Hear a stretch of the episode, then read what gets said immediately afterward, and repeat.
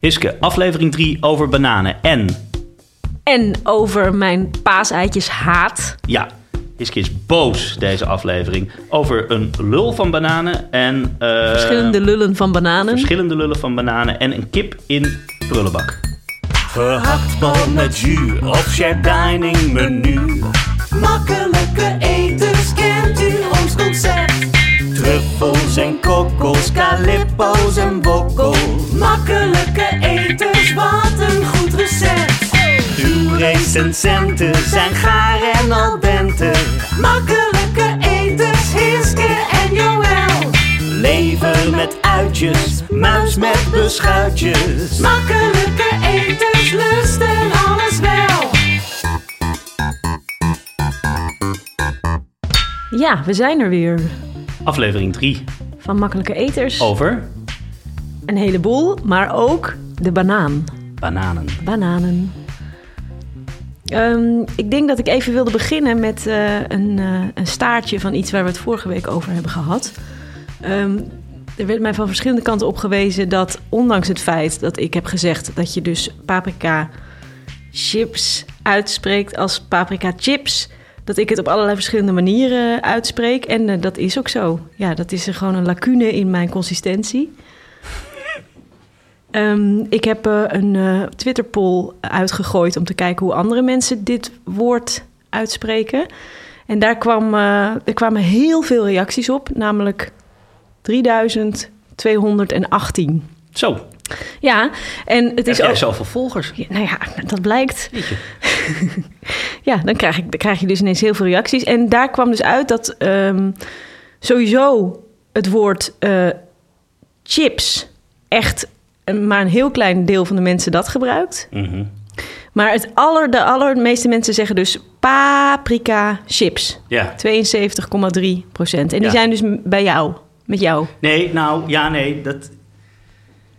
Ja, nee, ik hou er niet. Ik zeg zelf liever paprika. Ik heb mijn hele leven lang paprika gezegd en ik heb daarvoor gevochten en ben er dus uiteindelijk achter gekomen dat ik het bij het verkeerde eind had. Maar nou, ik was dus heel blij met één reactie, namelijk de reactie van Teun van de Keuken, die hier naast ons zit om de podcast op te nemen.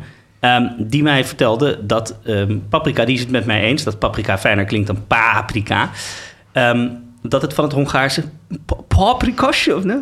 Paprika's. Ja, zoiets komt. En dat dat dus toch het meest op pap lijkt en niet op paap. Dus Ja. toen dacht ik, nou, ik ben wel blij met deze opt-out hier. Oké, bij twijfel volg de Hongaar. Ehm, nou ja, we hebben ook veel foto's gekregen van mensen die chips zijn gaan kopen. Naar aanleiding van de podcast, vinden we ook leuk. We kregen ook een klacht eh, of we het misschien ook een keer over eh, wortels wilden hebben. Want dan zouden mensen daar gezonder van gaan eten. In plaats van dat ze dus naar de supermarkt zouden rennen voor, voor een vette bek. We zullen erover nadenken. We gaan erover nadenken. Vandaag hebben we het over een, een vrucht. Dus eh, dat Ja. is al best wel gezond. Eh, wat eh, de mislukte gerechten betreft... Ik zit nu naar die foto. We hebben een, een, we hebben een aantal mislukte gerechten binnengekregen. We gaan er straks eentje behandelen. Maar we wilden toch nog heel even de aandacht vestigen op de foto van wat een pinguïn zou moeten zijn. Ja, de, die heeft de moeder van Jannelieke gemaakt voor de kleinkinderen. Ja. Ehm, het is, Beschrijf het- even wat je ziet, joh. Nou ja, het grappige is dus, het is heel grappig, want het is een, eh, gemaakt van banaan. Dat paste dan weer heel goed bij ons onderwerp. Eh, eigenlijk, het is een banaan die... die eh, Rechtop staat? rechtop staat, ja. Dus de, de onderkant is er afgesneden, zodat hij wel een recht voet, eh, voetje heeft. Hij staat, eh, hij is bedrizzled, mm, grofweg. Zo'n soort, soort chocoladeboekaken eroverheen. En, en bovenop ligt, ik denk, een Kersttomaatje. tomaat of zo. Dus hij heeft een heel een glimmende rode knop zit erop. Ehm, En twee ronde stukjes wortel, zeg maar, Als aan, de, voetjes, aan, ja. de, aan, de, aan de wortel. Ja, aan de stam onderaan. En ik zie nu, het valt me dus nu net pas op dat hij op een blaadje sla ligt. Ja. Want daar zitten pinguïns Ja, ja, goed. Het lijkt zo ontzettend veel op een dildo... dat wij ons afvragen of de moeder van Jannelieke hier een goede grap mee heeft uitgehaald. Ze heeft in ieder geval de uitzending gehaald. Nou ja, we zetten hem in de show notes. Ik, ik had het vorige week had ik ook gezegd dat we de poepletters in de show notes zouden zetten. De gehaktletters die eh, onfortuinlijk uit de oven waren gekomen. Dat is nog niet gebeurd, maar dat gaan we nog doen. Dus eh, de mislukte gerechten gaan we zeker nog delen, ook op de sociale media. Ehm, vandaag hebben we weer een mislukt gerecht. Kip in zoutkorst. Ook wel kip in prullenbak. Want die kip... Die... Nou, nou snap ik pas. Dit staat dus al de hele ochtend in het draaiboek, maar ik snap nou dus wat, wat je daarmee bedoelt. Ah, een goede grap. Ja. Ehm, dus eh, eh, een kip die eh, te zout wordt in een zoutkorst, hoe voorkom je dat? En het leek me ook leuk om het sowieso even te hebben over wat je kunt doen met dingen als ze te zout zijn uitgevallen. Akkoord. Maar eerst beginnen we met de eetweek.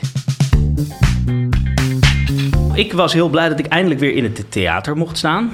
Ik eh, heb in drie jaar geleden bedacht dat, we een, dat ik een theatercollege... Ik ben, wij zijn natuurlijk allebei al tien jaar bezig met, met proeven en smaken en eten en dat soort dingen. En het bouwt dan zoveel op en Ehm, mensen vinden dat altijd lastig. Ze zeggen, ja, je kan zo goed proeven. Dan denk ik, ja, maar dat is helemaal niet waar. Wij kunnen allemaal hetzelfde. We, we beschikken over precies hetzelfde gereedschap. Het gaat er gewoon om dat je een beetje weet hoe het werkt. En dat je weet waar je op moet letten. En dan kan iedereen goed proeven.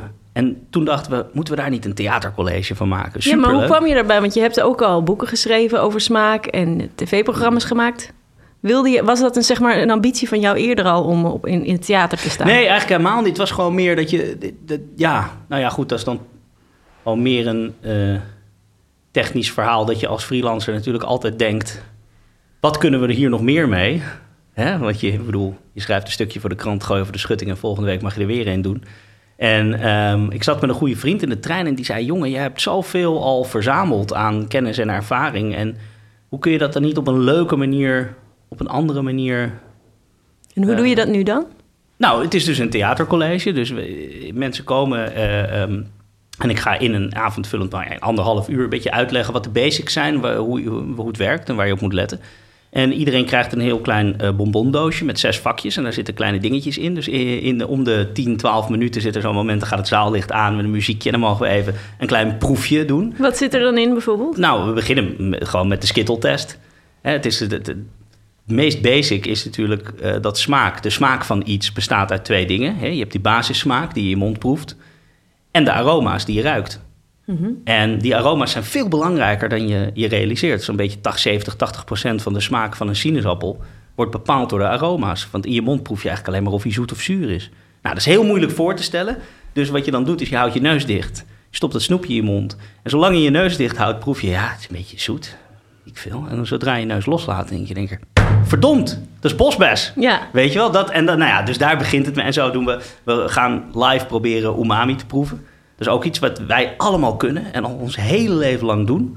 Maar niemand is gewend om dat te benoemen. Of, of, of, en, en dus is het heel moeilijk om nou, op je zoveel veertigste, vijftigste, whatever... eh, eh, in één keer halverwege je leven van de een op de andere dag... opeens wel iets bewust te proeven. Wat je, nou ja, dat gaan we toch proberen te doen samen met een klein en hoe gaat het? Want het, is, het gebeurt natuurlijk eigenlijk bijna nooit dat mensen in het theater ook zelf iets moeten doen. Nou, Eh, hoe reageren mensen daarop? Ja, superleuk. Nee, echt. Het, ehm, nee, nee, ja, dit, dit, iedereen vindt dat hartstikke gaaf, joh. Het is echt een, een interactief theatercollege. Het is ook niet een toneelstuk. Ik vertel gewoon en, en er worden ook dingen geroepen en ik vraag aan de zaal. En soms komt er iemand op het podium even iets, een klein proefje doen. Dus, ehm, En gaan er ook wel eens dingen mis? nou ja, je moet het... het eh, nou, ik raak de weg wel eens kwijt. Nu, dat ik het, hoe nu, nu het steeds beter in mijn vingers... Kijk, het is natuurlijk niet mijn vak. Het is totale schromelijke zelfoverschatting... dat ik dacht dat ik ook iets in theater zou gaan doen. En wel, ik hoef gelukkig niet tekstvast te zijn... maar je moet toch de lijn van je verhaal vasthouden. Zorgen dat je alles verteld hebt wat je wil vertellen. En tegelijkertijd in de gaten houden dat je wel op dat moment op dat stickertje moet staan, omdat het licht dan verandert. En dat je exact die woorden uitspreekt, zodat de technicus het muziekje in kan starten, et cetera. et cetera. Dus dat is best nog wel een klusje. Ja. Nou ja, daar gaat wel eens iets mis, maar gelukkig is het heel organisch. En, eh, maar ik ben vooral gewoon heel blij. Dit zou dus in maart 2020 beginnen. En we zijn het nu eindelijk pas aan het doen. Dus ik ben hier wel heel blij mee dat nu eindelijk dit, eh, dit eh, ja, Fijn. mooie strik hieromheen kan doen. Ja. Nou ja, proefles met Joël heet het. .nl. Hiske, hoe was jouw week? ja, ik wilde eigenlijk mijn eetweek besteden aan een eh, irritatie. Lekker. Ja. Altijd fijn als jij even je ergernis deelt. Ergens over geïrriteerd ben. En het is namelijk over ehm chocoladepaaseitjes. Wat is daar mis mee? Chocoladepaaseitjes, ja. Ja, Ik, ik, ik, twijfelde een beetje, omdat ik dacht... het is wel echt een soort van heel erg Gargamel-ding... om over zoiets wat mensen dus blijkbaar heel veel plezier te geven... te zeggen dat je het haat. maar ik was laatst in de HEMA... en daar hadden ze, geloof ik, 40 verschillende, verschillende soorten chocolade-paaseitjes... met allemaal hele rare smaken. En toen werd ik daar zagrijnig van... En ik dacht, de, de- waarom moet dat? Waarom moeten er zoveel verschillende smaken zijn? Chocolade is zo'n geweldig product op zichzelf.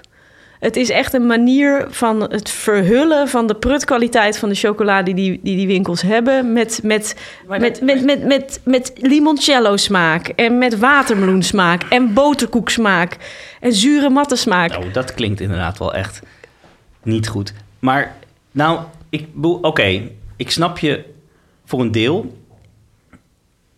Maar je zou kunnen zeggen, ja, god joh, ik bedoel, eh, voor ieder wat wils en eh, een mens mag toch eens wat proberen. Ja, het is ook zeker omdat we in deze podcast het natuurlijk juist over dat soort dingen hebben.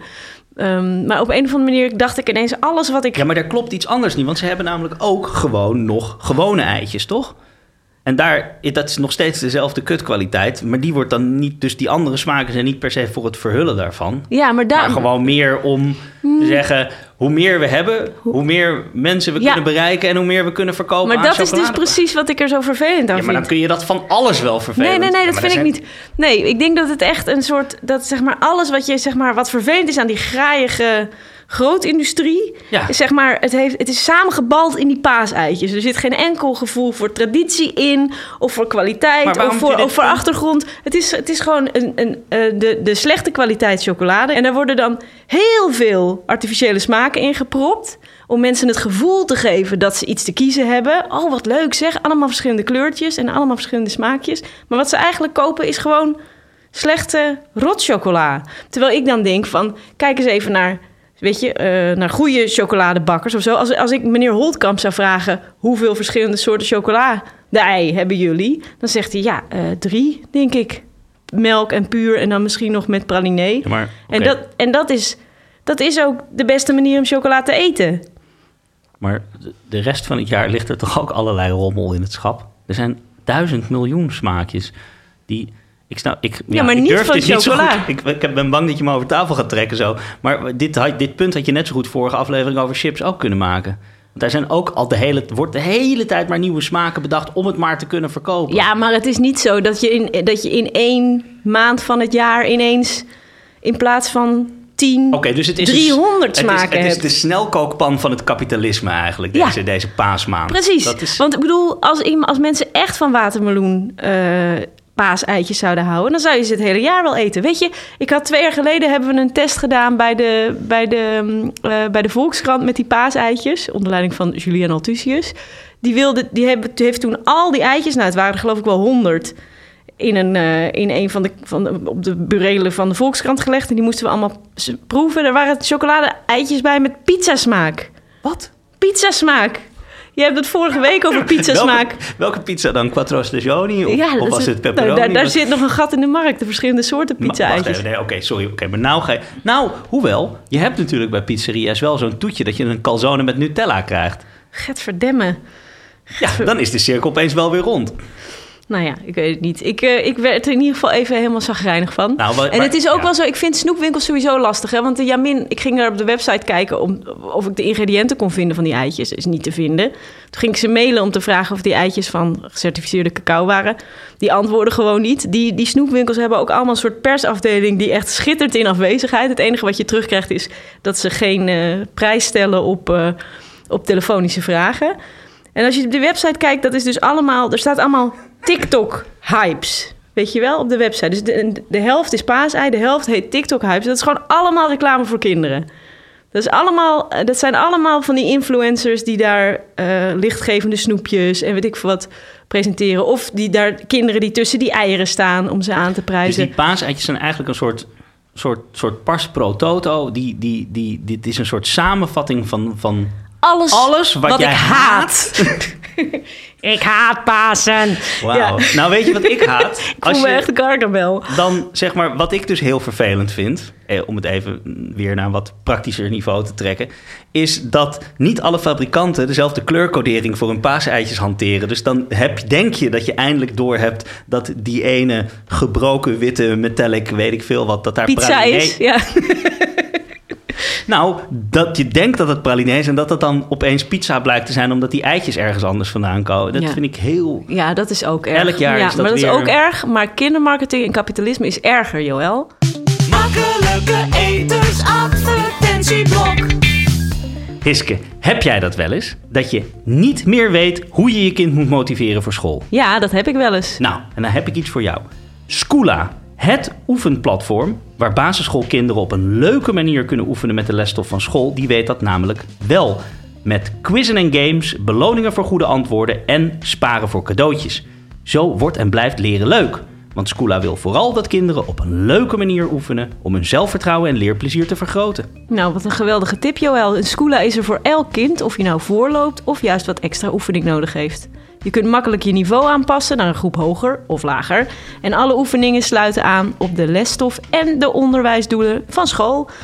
En wat nou het leukste is, ik weet nog niet helemaal zeker of Scoola iets is voor mijn kind. Dus dan kan ik, net als onze luisteraars, Scoola 14 dagen helemaal gratis uitproberen. Via www.scoola.nl slash makkelijke eters. En dat is Scoola met een Q. Dus www.scoola.nl slash makkelijke eters. Makkelijke Ja, de banaan. Yes, de Daar banaan. Hiske ehm, zit hier in een decor van trossen bananen. Oh, ik dacht dat jij ging en- zeggen in een bananenpak. Wij hebben ooit een keer eh, opgetreden in eh Volendammer Klededracht. Ja, dat was ook leuk. Maar ik- achteraf had het leuker geweest als de bananenpakken waren geweest. Nou ja, misschien kunnen we dat nog een keer eh, In de toekomst? bewerkstelligen. Sowieso. hey, bananen. Ja, ik wilde heel graag het een keer over de banaan hebben. Want ik dacht, de banaan, de banaan is de grote gelijkmaker onder het fruit. Bananen zijn altijd precies hetzelfde. Ze zijn al het hele jaar door. Kom je ze. kom- Groen. ze- nee, oké, kijk, de, de banaan. Je, ze hebben, je hebt ze wel in verschillende fases. Maar in appels heb je nog verschillende, Nee, verschillende rassen, verschillende soorten. Mandarijntjes heb je in de herfst. Eh, mango's komen met het vliegtuig of ze komen op de boot. Dan zijn ze heel verschillend. Bananen zijn altijd hetzelfde. Ja, klopt. Nou snij je direct een heel interessant punt aan. Want het is ook zo. Nagenoeg alle bananen, zeker hier in Europa die wij eten, zijn allemaal dezelfde banaan. Namelijk de Cavendish. Ja, en ze zijn niet alleen van hetzelfde ras, van dezelfde Kevin, de, de- dus van het Cavendish-ras, maar ze zijn ook dezelfde banaan. Want het is allemaal één plant. Wist je dat? Alle bananen die hier naartoe komen, komen van dezelfde plant. Het zijn klonen allemaal. Ja, Wauw, ongelooflijk. Maar goed, dat is dus ook een heel groot probleem. Want binnenkort zijn er dus misschien wel helemaal geen bananen meer.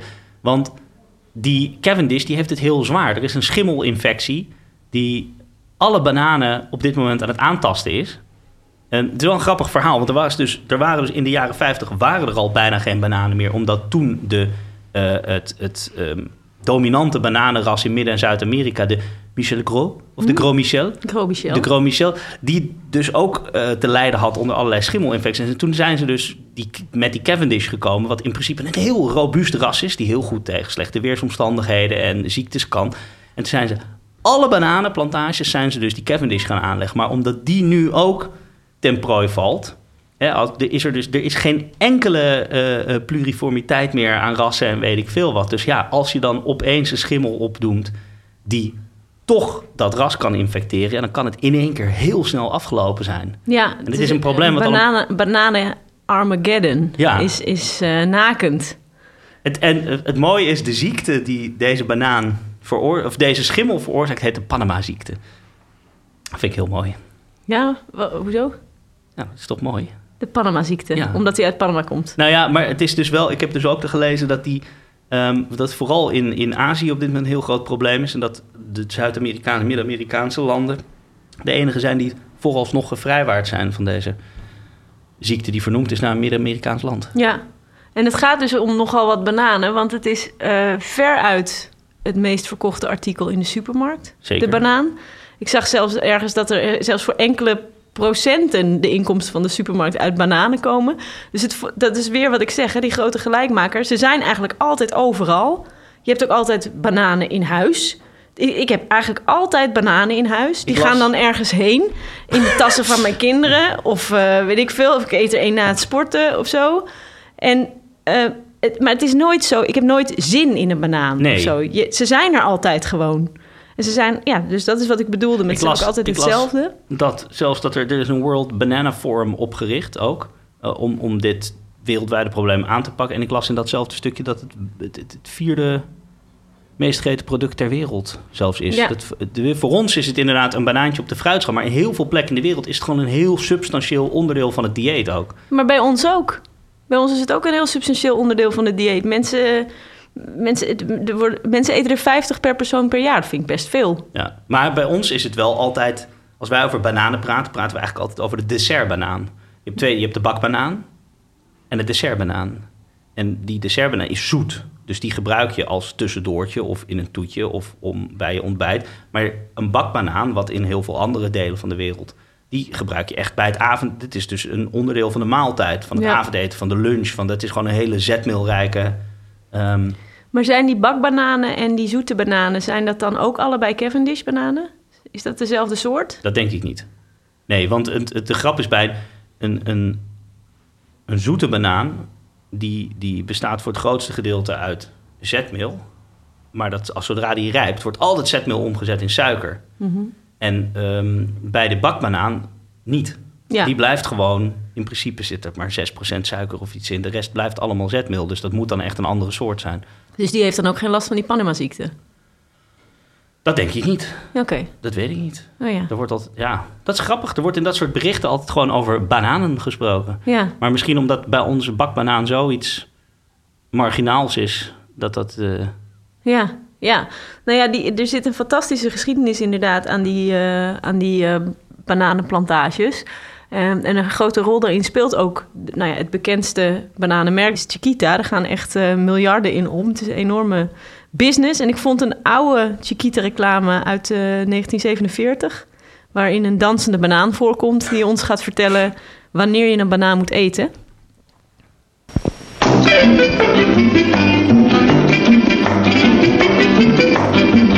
I'm Chiquita Banana, and I've come to say bananas have to ripen in a certain way. And when they're flecked with brown and have a golden hue, bananas taste the best and are the best for you.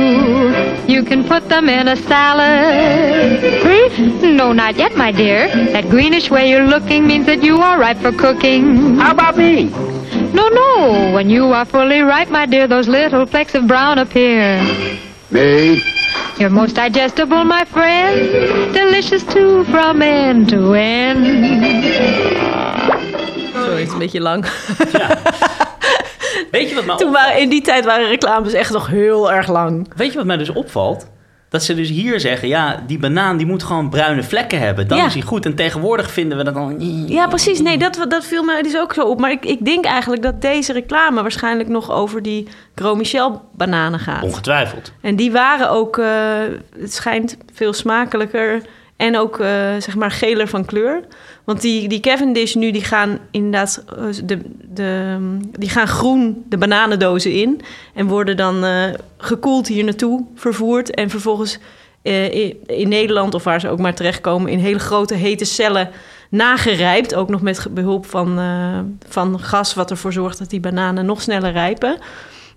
En dat was er vroeger natuurlijk nog niet. Dus ik kan me voorstellen dat daarom toen eh, ze zeiden... nee, de bananen zijn het lekkerst als ze dus geel zijn. Dat zingt, dat zingt de banaan in het liedje.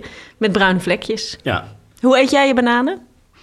Liefst groen nog of... Nee, dan is het... Dan smaakt het nergens naar. Het heeft zo'n raar samentrekkend gevoel of zo, zo'n groene banaan. Nou, er zitten ook tannines nog in. Ja. Dat is, dat zijn... Weet je trouwens wat dat is, dat gas wat ze gebruiken om dat te rijpen? Nee? Het is ethyleengas. Dat is echt dat is ontzettend interessant. Je hebt dus twee soorten vruchten. Vruchten, die, dat noemen ze klimacterisch en anticlimacterisch. Een, een, een, vrucht rijpt namelijk... Oké, als een vrucht moet rijpen, dan... Een vrucht is in principe eh, een middel voor de plant om zijn zaden te verspreiden. Dus dat ding, dat is ehm wrang en zuur en hard. als die nog aan het ontwikkelen is. Want dan moeten wij er met ons poten vanaf blijven. Dat, zijn ook, dat is inderdaad dat, dat trekkende wat je, wat je voelt als je een onrijpe banaan aan het eten bent. Het zijn gewoon afweerstoffen om te zorgen dat we... En zodra die zaadjes klaar zijn om te verspreiden, dan moet die vrucht rijpen. En ehm, dan wordt die zacht, dan wordt die zoet, krijgt hij een aantrekkelijk kleurtje, dan gaat hij geuren. Dus dat, dan wordt alles erop ingericht zodat wij of dieren die dingen gaan opeten. Ehm, en het ethyleen dat is eigenlijk een soort hormoon wat die rijpingsenzymen activeert. En nou zijn er dus vruchten die. De vruchten pro- produceren dat dus zelf, dat ethyleen. Op een bepaald moment gaan ze dat produceren eh, als hormoon om die, eh, dat proces in gang te zetten. Sommige reageren ook op ethyleen uit de omgeving en sommige niet. Sommige vruchten trekken zich daar geen reet van aan, die doen het gewoon op eigen houtje. Als je die dus plukt voordat ze volledig rijp zijn, kunnen ze soms wel zachter worden, maar ze worden nooit zoeter, nooit smakelijker. Dus die worden alleen maar rijper aan de plant. Ja, die hebben vaak ook de moederplant nodig om hun suikers aan te vullen. Welke Tot- dan? Wat zijn het dan nou, bijvoorbeeld een aardbei. Oh, ja. Een aardbei wordt nooit meer zoeter als hij eenmaal van de plant eh, geplukt is. Heel veel. Maar een, ehm, een banaan of een tomaat of een eh, Mango, avocado ja. kun je dus ehm, onrijp daaraf. Als hij volgroeid is. Hè, dat zijn ook vruchten die heel vaak hun suikers als zetmeel opslaan. En die gaan gewoon door ondertussen, na, na het plukken, onder invloed van dus dat ethyleen, gaan ze gewoon door met het omzetten van het su- suik- eh, zetmeel in suiker. Dus ze worden ook nog zoeter als ze rijpen op de fruitschaal. Ja. ja, dus de hele voedingswaarde van die plant, die vruchten, die verandert ook Ja. in je fruitschaal. Exact. En daarom is het dus ook, als jij een avocado hebt die keihard is en die je heel graag wil eten, helpt het om die samen met een banaan in een papieren zakje te doen. Die banaan die stoot ethyleen uit. Dat ethyleen triggert bij die avocado eh, ehm, het, het, het mechanisme om zelf ook meer ethyleen aan te gaan maken, waardoor de rijpingsenzymen worden geactiveerd en dus dat ding sneller rijpt. Ja, Nou, hartstikke dat is handig leuk. om te weten. En een goede tip ook nog. Precies. Ja, ik moest zelf heel erg lachen, omdat ik dus altijd dacht dat bananen in een bananenboom groeiden. Iets dat er een beetje uitzag als een soort kokospalm, zeg maar. Dus ik dacht, je hebt kokospalmen en je hebt bananenpalmen. Maar dat is helemaal niet zo. Een banaan, een bananenboom is een kruid. Ja. een reusachtig kruid. Ja. Dus, het is, dus die, eh, die groeit elk jaar groeit die opnieuw op vanuit de wortels. En die, er komt dan een grote bloem aan. En aan die bloem komen dus al die vingers, die bananen, die, eh, die, eh, nou ja, die daar dus de vruchten van eh, ehm, vormen. En die worden dan geplukt. En die hele plant wordt dan weer tot de grond Ja. afgehakt. En die groeit het volgend jaar. Het, het jaar erop groeit die weer omhoog. En die, die want het, je denkt dat het een boom is, omdat het, hij is zo ontzettend groot. Want het idee van een kruid is dus dat hij inderdaad groen blijft, dat die stengels niet verhouten, dus niet hard worden. Maar, het, maar dat ding wordt zo groot dat het net lijkt alsof hij een stam heeft. Maar eigenlijk zijn dat bladeren die over elkaar eh, opgerold zitten, net als in een prei. Ja, een oh ja, te gek. En moeten we het nog hebben over waarom de bananen krom zijn? Natuurlijk. Ja. Joël, en ik weet zeker, Ja, dat- als ik jou een beetje ken... Nou, dat jij, dankjewel. Ja, dat jij, Dat- dus ik geef jou graag de... Nou, die bananenbloem. Eigenlijk is het een soort. ehm, ik weet, heb je ze wel eens gezien? Het is een hele grote, soort, soort rode snavel die aan die boom ja, hangt. enorme... Ja, het is, het is, je noemt het eigenlijk een soort bloemstructuur. Want het zijn ook de schutbladeren en de beschermingslagen en alles die daar, die daar omheen zitten. Ehm, dat is zo'n enorm gevaarte. Dat die stengel op een gegeven moment gewoon naar beneden buigt. Door de zwaartekracht van die bloem. Ja, En aan de achterkant van de bloem zitten alles inderdaad, zitten echt, er kunnen wel 1 tot 20 van die kammen zitten, die allemaal, soms kan één bananenbloem in sommige gevallen wel tot 300 bananen voortbrengen. Omdat er allemaal rijen vruchtbeginseltjes zitten die uit kunnen groeien. Maar goed, dus die bloem die, die gaat met die punt naar beneden wijzen, want die wordt dus eh, die, zo zwaar dat die stengel eigenlijk ombuigt. En die, en die bananen, dat is een, een fenomeen wat wel vaker in de natuur gebeurt. Mensen zeggen altijd ze groeien naar het licht toe. Dat is wel uiteindelijk de uitkomst. Maar wat ze eigenlijk doen is weggroeien van de zwaartekracht. Dus die krullen terug omhoog. ja, En daarom zijn ze krom. ja. Dus ze, groeien, ze hangen niet omlaag, maar ze groeien omhoog, Ja. de bananen. Heel leuk. Ja, ja, je, zit, Ja. je zit er nou zo aan te kijken. Nee, nee, nee, ik vind, het gewoon... dat ja, dat weet ik. Ja. Ik vond het ook heel leuk dat jij het even wilde vertellen. Ehm, ja, de banaan in de keuken gingen we ook nog even over praten. Eh, want de afgelopen jaren was er heel veel te doen over bananenbrood. Ik heb dat volledig gemist, denk ik. Echt waar? Ja. Het werd echt gezien als een soort van gezondheidsvoedsel. Oh, op die manier. Dus mensen maakten van eh, rijpe bananen met amandelmeel... en dan hoef je er niet zoveel suiker in te doen. Het wordt dan- een soort cake. Maar ik heb daar nooit helemaal de lol van ingezien. Want ik denk, als ik een banaan wil eten, dan eet ik wel een banaan. Dat is een vrij volledig en zoetig eh, tussendoortje op zichzelf. En als ik cake wil eten, dan eet ik cake. Maar dit nou ja, bananenbrood vind ik echt zo'n soort van excuus voor iets lekkers. Ik voel een beetje hetzelfde soort vuur als net met die paaseitjes bij jou. eh Ja, misschien dat ik in een soort van beetje in een recalcitrante bui ben of zo. nou, gewoon een beetje boos. Ja, Nee, ik vind bananenbrood namelijk eigenlijk het best... Ik vind dat het best op zichzelf mag bestaan als een ehm, culinaire entiteit. maar eet je het wel eens? Nou ja, ik heb het wel eens gegeten. Mijn moeder die maakte dat vroeger, God hebben haar ziel, heel vaak. Maar mijn moeder was zo iemand die dan heel graag bakte. En dan zo het recept voor driekwart volgde. En dan zo toch even een shortcut nam. En dan altijd klagen dat het niet lucht gelukt was. Ach ja, nou ja, je moet het maar even. Maar ja, het is niet, ik ben toch niet helemaal tevreden. Ik zeg, oké mam, waar heb je nu weer de corner gekat? Zeg, Ja. Want- ja, maar ik vind het zo zoet. Ik dacht, dan doe ik gewoon wat minder. Ik ja, maar suiker is niet alleen voor de zoetigheid. Dat doet iets ook met de structuur van je... Nou goed, af. eh. Ja, Ik heb best wat bananenbroden gegeten. En ik moet ook zeggen, uiteindelijk had ze het best onder de knie. Dus dat... ehm, oké. Nou goed, dan ga ik het misschien toch nog een keer proberen. ja. Ik vond een heel mooi, eh, prachtig kookboek eh, uit de jaren zestig. Dat heet Be Bold with Bananas. En we komen nu weer een beetje terug bij, bij de pinguïn, waar we mee begonnen, de Fallische pinguïn. Eh Be Bold with Bananas is een boek met alleen maar recepten waarin banaan wordt gebruikt. Eh, er werd ook in de, in de jaren 50 en 60 werden bananen veel bijvoorbeeld in salades gedaan of in jelly salads, hè, in salades gemaakt met jello, met gelatine. Maar het Een mooiste. soort bananenaspiek. Ja, echt. Van die dingen dat je je bijna niet kan voorstellen dat mensen het ooit echt hebben gegeten, maar die dan echt een soort van totale hype zijn geweest. Maar er staat ook iets in, en dat deed me dus denken aan die pinguïn, dat heet de banana candle. En dat is dus, dat is dus een banaan, die moet je in een ananas schijf. Je pakt een ananas schijf, daar zet je de banaan rechtop in. Heeske Op die banaan- dit Ik- ondertussen. Op die banaan Met twee je, knuisjes. Ja, knip, prik je een, eh, een eh, maraschino kers. Die komt dus zo'n rode dop, komt zeg maar bovenop die banaan. Dat is de, de, de vlam. En het is ook belangrijk dat je met mayonaise... een beetje langs de rand, zo'n mayonaise randje eraf laat lopen. Dat is namelijk het kaarsvet.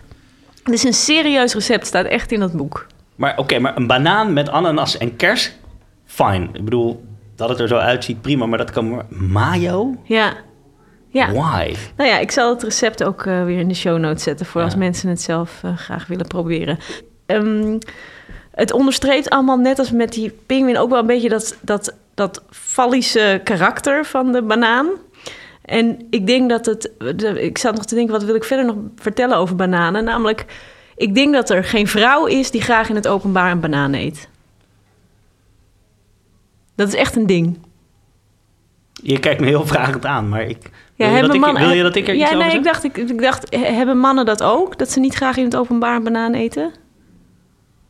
Ik, ehm, nou ja, N is één hier, maar ik heb daar geen... eh, nee, ik denk daar niet heel vaak over na. Ik lik hem niet af, Nee, oké. zoals met de ribbelchips. Nee. Maar ehm, Maar dat doe je hopelijk ook niet in het openbaar. nee, nee. En ook niet met komkommers. Ja. Nee, maar, Nee, maar ja, ik vind het, kom, het is echt zo'n ja. ding dat je dus, ik denk dat alle... Eet eh, jij nooit dat- een banaan in het openbaar? Nou ja, Of ik, breek je hem je dan breekt zo? hem. af? ja, op die manier. Ja. Doet niet... Nee, maar dat is echt zo. Ik denk dat, er, dat alle meisjes op een gegeven moment hebben meegemaakt... dat ze hun hele jeugd lang zonder enig probleem bananen hebben gegeten. Op een dag worden ze wakker. Ze lopen de straat op. Ze stoppen een banaan in hun mond. En er wordt ineens vanaf de zijkant... Oeh, auw, of zoiets geroepen. En vervolgens durven ze dus de rest van hun leven... niet meer in het openbaar een banaan Is te jou dit overkomen? Is dit een, Ja, is dit zeker. uit Ik denk dat alle vrouwen dit is overkomen. Weet je nog wanneer het was? Ja. Kun je het, is dat een, een moment wat zich ja, ik weet wanneer het was. heeft in jou? Ja, de, de, de- ik weet wanneer het was. Namelijk, ik werkte bij de Albert Heijn als vakkenvuller. En toen, eh, en toen at ik een banaan tijdens de, tijdens de pauze. En toen werd daar eh, op de achtergrond heel erg hard over gegierd door mijn mannelijke collega's. Ja. Maar ik denk dat... Maar ik- is er dan dus niet, er is niet op een gegeven moment een moment in je leven dat je denkt, ja jongens, kom. nou dat je ja, dat achter je zeker. kan laten. Maar dat is natuurlijk, dat is, dat, dat is natuurlijk het shittige van het patriarchaat. Dat je het, dat je het eh, hoe noem je dat, incorporeert. Dus dat je Dat dus is op een gegeven moment het enige ding wat jij haat... wat niet in dat paaseitje zit, het patriarchaat, denk ik. Nou ja, het zit er vast op een of andere manier nog wel ergens in. Wel leuk voor volgend jaar voor de Jamin met, met patriarchaatsmaak. dat, dat ze tw- gewoon twee balletjes Ja. van maken. Nou ja, Ehm, precies. Nee, maar het, is, het is inderdaad van die dingen dat je dan denkt... verdomme, laat me met rust. Ik wil gewoon een banaan kunnen eten zonder daarover na te denken. Ja. Nou, ik vind, dat heel, ik, vind het, eh, ik vind het heel kwalijk. Ik vind het vervelend om dit te horen. Ja. Lijkt me heel vervelend om... eh, Tja, Ja, goed. ik heb nog... Want als, ik, als het over bananen gaat, is er nog wel één ding wat... eh, ja, ik vind het, aan de ene kant vind ik het heel leuk om te vertellen. En aan de andere kant weet ik dat ik voor heel veel mensen... voor het leven nu iets ga verpesten. Gisten, zeg maar de banaangeur, de banaansmaak is heel specifiek. Die wordt veroorzaakt door een stofje, dat zijn esters. De fruitige smaken zijn heel vaak, dat zijn bepaalde chemische verbindingen. Die worden ook geproduceerd door biergisten op het moment dat ze bezig zijn om suiker in alcohol om te zetten. Mhm. Dus als je in een bierfabriek hangt er een hele sterke bananige geur. Ja, ook in Beaujolais Primeur zit ook altijd die banaangeur. Ja, het zijn dus, dat is sowieso, zeg maar, als, als, er, als je ergens bent waar ehm, het vergisten echt gebeurt, waar het bezig is, het Ja. proces, dan heb je bijna altijd wel ergens dat bananige geur. Dat gaat er in de meeste gevallen wel af, maar wit bier en dan speciaal de ehm Erdinger Weiss bier, als je, daar een, als je dat eenmaal een keertje aan banaan gedacht hebt terwijl je dat drinkt, kun je nooit meer dat glas naar je mond brengen. Dus Oh. ik heb het nu voor jou en voor iedereen die luistert misschien wel voor goed verpest. Ja. Wit bier smaakt naar banaan. Ga er wel eens op letten. Oh, nou ja. Goed. Laatste dingetje, want met bananen is de banaan is ook een beetje de koriander onder de vruchten. Je hebt mensen die er gewoon echt absoluut niet tegen kunnen. Niet tegen de geur, niet tegen de smaak. Het is namelijk ontzettend wee en melig. Zoet. En ja, precies. Maar dat komt dus ook, denk ik toch, en dan is de cirkel wel even rond, door die Cavendish. Want die is nou eenmaal gewoon best wel melig, zetmelig en generiek. Ik heb dus ooit één keer was ik op de Malediven ehm, eh, voor een, eh, een trip om tonijn te vissen met, eh, met de lokale bevolking. En we waren op zo'n boot. As you do. Ja, as you do. Ehm, en, en dan ga je dus op zo'n boot en dan ga je 24 uur per dag, of 24 uur lang ga je weg. Je gaat eerst aas vangen en dan als de zon opkomt, dan een enorm circus. Ehm, en die hadden dus daar aan boord, eet je dus mee met die, met, die, met die crew. En die hadden hele kleine banaantjes. Ja. Van die echt, ik denk nou, ter grootte van een, van een augurk. Ja, die heb ik in En- Mexico ook gegeten. En Van die mini-banaantjes. je, Dat is... Ik at zo'n ding en ik dacht... Oh, dit is hoe een banaan bedoeld is. Dit is... Die zijn zacht en fruitig. En, en als een soort van dat vruchtvlees heeft Beetje niets... custardachtig bijna. Bijna, ja, Ja. precies. Als ze mooi rijp zijn en er zat een bloemige, fruitige smaak aan. En, en het was ook lekker zuur. Het was helemaal niet zo... Het was echt als een vrucht. Zoals een vruchtvlees zacht en plakkerig kan zijn. En, en, en, en ook best wel een beetje nog... Hè, dat je zure aroma's erin heeft zitten. Wat ook. lekker zeg. Het was... Ja, Nou, volgens mij is het gewoon voor iedereen heel goed. En ook om de bananen tegen te gaan... als we hier nog wat meer andere bananen ook zeker. zouden krijgen... dan alleen maar die saaie Cavendish. Makkelijke etensadvertentieblok. His, wat had jij in je kratje deze week? Ja, we hadden een kratje. Hartstikke leuk. Die werd ons eh, eh, toegestuurd vanuit eh, de krat. Er kwam een aardig iemand kwam hem bezorgen.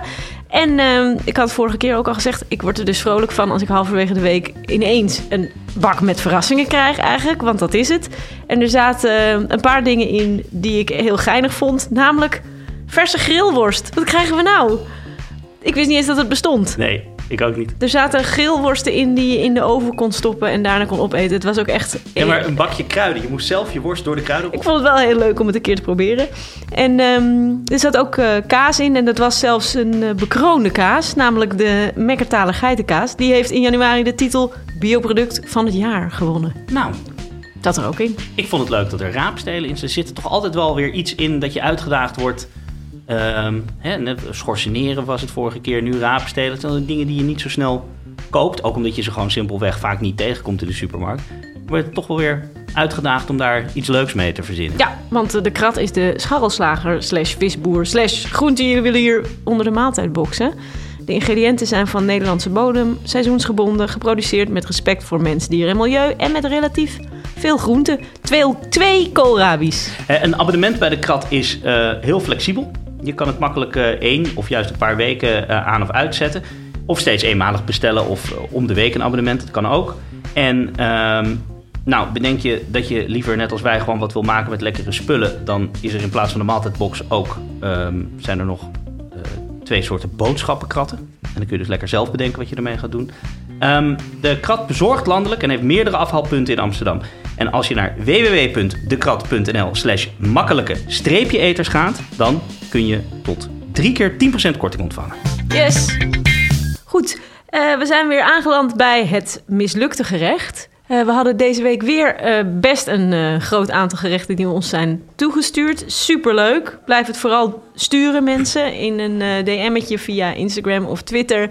En dan gaan wij ermee aan de slag en kijken wat er is misgegaan bij die grote mislukking. En misschien kunnen we je ook helpen, zodat het de volgende keer niet meer mislukt. Nou, Deze week ehm, was het een bericht dat we ons via Twitter bij ons kwam, namelijk van Jorrit Koopman. Die stuurde ons een foto van iets dat eruit ziet als een soort baldeeg.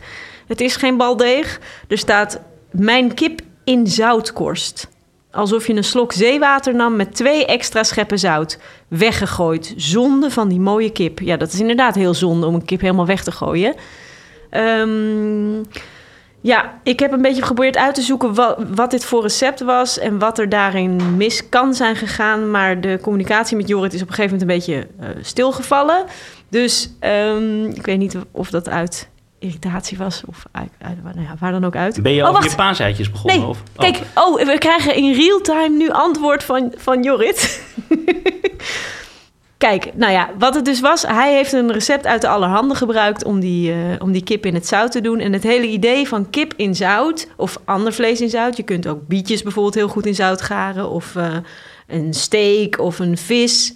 En eh, het idee is eigenlijk dat je dus van dat zout een soort oventje bouwt waar, waarin dat product heel goed rustig kan garen en dan ook goed op smaak komt. Ehm, er zijn verschillende manieren voor. Sommigen doen het met alleen maar grof zout. Het is wel belangrijk dat je grof zout gebruikt.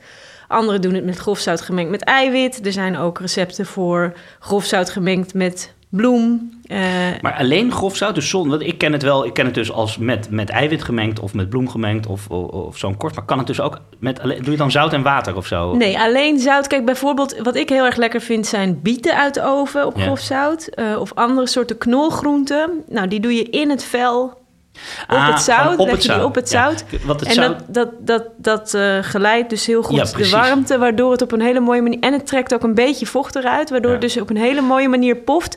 eh, terwijl het niet zompig wordt. Ja, want, dat is, want die biet zit natuurlijk in zijn eigen velletje. Dus die heeft een, al een beschermlaagje waar die in, zelf in kan poffen. Ja. En dan is het zout dus alleen maar je geleider voor de temperatuur. Maar het geeft ook wel wat smaak, Ja. maar niet, niet te veel als het goed is. Nee, en als je dus een, een, een korst maakt met eiwit of deeg... Dan, dan maak je dus inderdaad echt een soort van... Oventje. Afgesloten oventje. En wat er dan nog... Hè, behalve dat het dus dan van alle kanten 365 graden... precies die prachtige mooie temperatuurgeleiding krijgt... heb je ook nog eens dat het al het vocht... en dus ook alle aroma's en alle sappen... die blijven opgesloten daarin. Dus je behoudt heel veel smaak Ja, daarmee. Ja, nee, zeker. En, eh, maar bij Jorrit was die kip dus veel te zout geworden. Terwijl Ja. er in het recept wordt er wel ei en ook eh, bloem gebruikt voor, dat, voor dat deeg. Dus het was een beetje een mysterie. Dat ik dacht, hoe kan het dan zo mislukt zijn? Maar we hebben dus nu net het antwoord gekregen. Hij had in plaats van, je moet daar grof zout voor gebruiken, van die grote korrels. En hij heeft daar fijn zout voor gebruikt. Ja, Nou ja, dan wordt het dus inderdaad veel te zout. Want dat fijne zout, dat lost sneller op. En dat trekt Exact. dus ook in die kip. Ja. Maar je hebt ook... eh, kijk, als je het nog een keer zou willen proberen... en je bent echt bang dat het te zout wordt... dan zou je zo'n kip... want een kip heeft natuurlijk wel heel veel... vergeleken met een vis bijvoorbeeld... veel kleine groefjes en eh, randjes... waar dat zout in zou kunnen gaan zitten... en inderdaad wat te zout zou kunnen worden... Ehm, wat je zou kunnen doen is die kip bijvoorbeeld eerst in een stuk kaasdoek rollen en dan het zout daar overheen Ja, doen. Want je moet het er zeg maar een beetje als een soort klei overheen Dit is trouwens ook de reden waarom je dus veel meer van dat... Hè, wat die, die hele chique zeezoutvlees die we allemaal gebruiken... die, die Malden piramides of dat Camargue of zo... Dat, dat doen we dus als je dezelfde gewicht aan zout, fijn zout over je eten zou verspreiden. Zout, veel te zout zijn helemaal niet lekker zijn om te eten. Omdat die fijne kristalletjes dus veel sneller oplossen in je speeksel als je het in je mond hebt. En het dan dus ook veel zouter smaakt. Ja, ja, terwijl die kristalletjes dus een beetje kraken in je mond. Ja.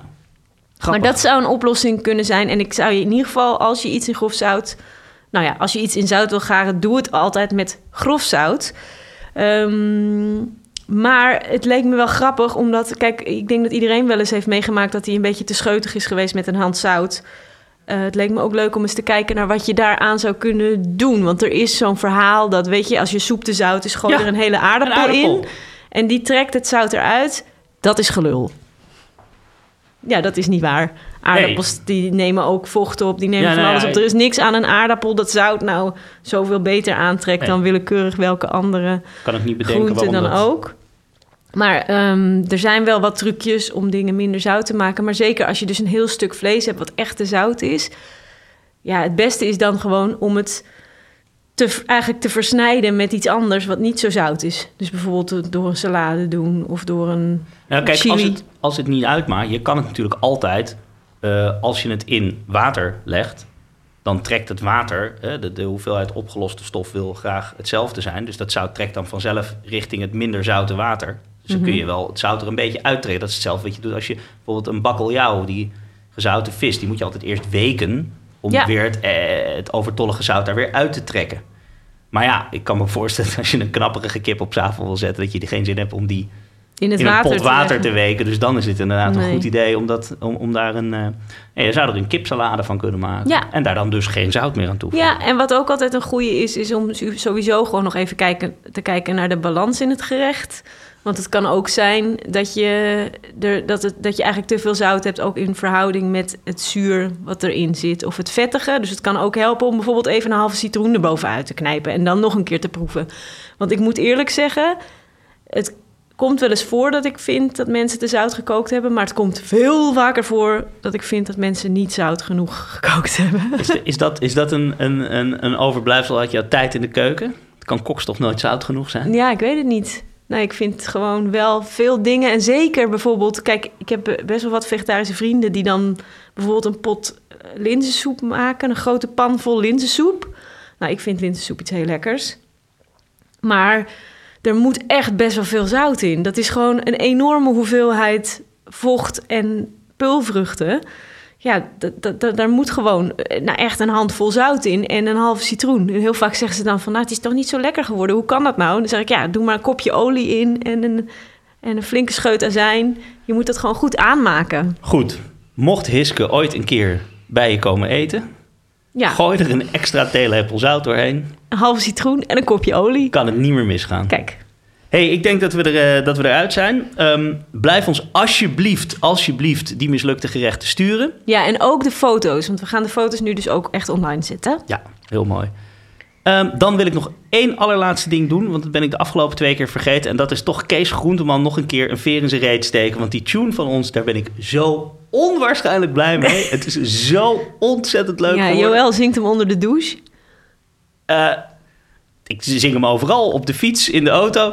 En ik wilde ook toch jou nog een keer een compliment maken. Want ik zat laatst te luisteren en ik ben toch al erg onder de indruk van jouw zangkwaliteiten. Ach, nou wat En dat ontzettend lief. Ontzettend lieve stemmetje van jou. Dat mooie zangstemmetje. Had ik nooit geweten dat dat erop zat. Ken ik je toch al zo lang. Ja, ja. Right. Dan ehm, mag jij kiezen dit keer voor volgende week. Waar mag ik uit kiezen? Nou, achter deur 1 hangen de zure matten. Oeh. En dan niet in de vorm Van een van paasei. een paasei. Eh, achter deur 2 de instant noodles. Ook leuk. Heerlijk. Ja. Gisteren nog gegeten. Ongelogen. Eh, en achter deur 3 een all-time favorite van mij. eh, blikvis. Gewoon alle soorten vis en dan in blik? Ik vind... Maar- ja, Ja, maar dan niet die dure, die dure sardines van eh 12 euro doen we dan. goed. Ehm, Ik ga gewoon blikvis er net zo vaak bij zetten tot hij gekozen wordt. Maar, maar vooruit. ik ga voor de zure matten. Okidoki. Volgende week zure matten. Doei. Tot dan.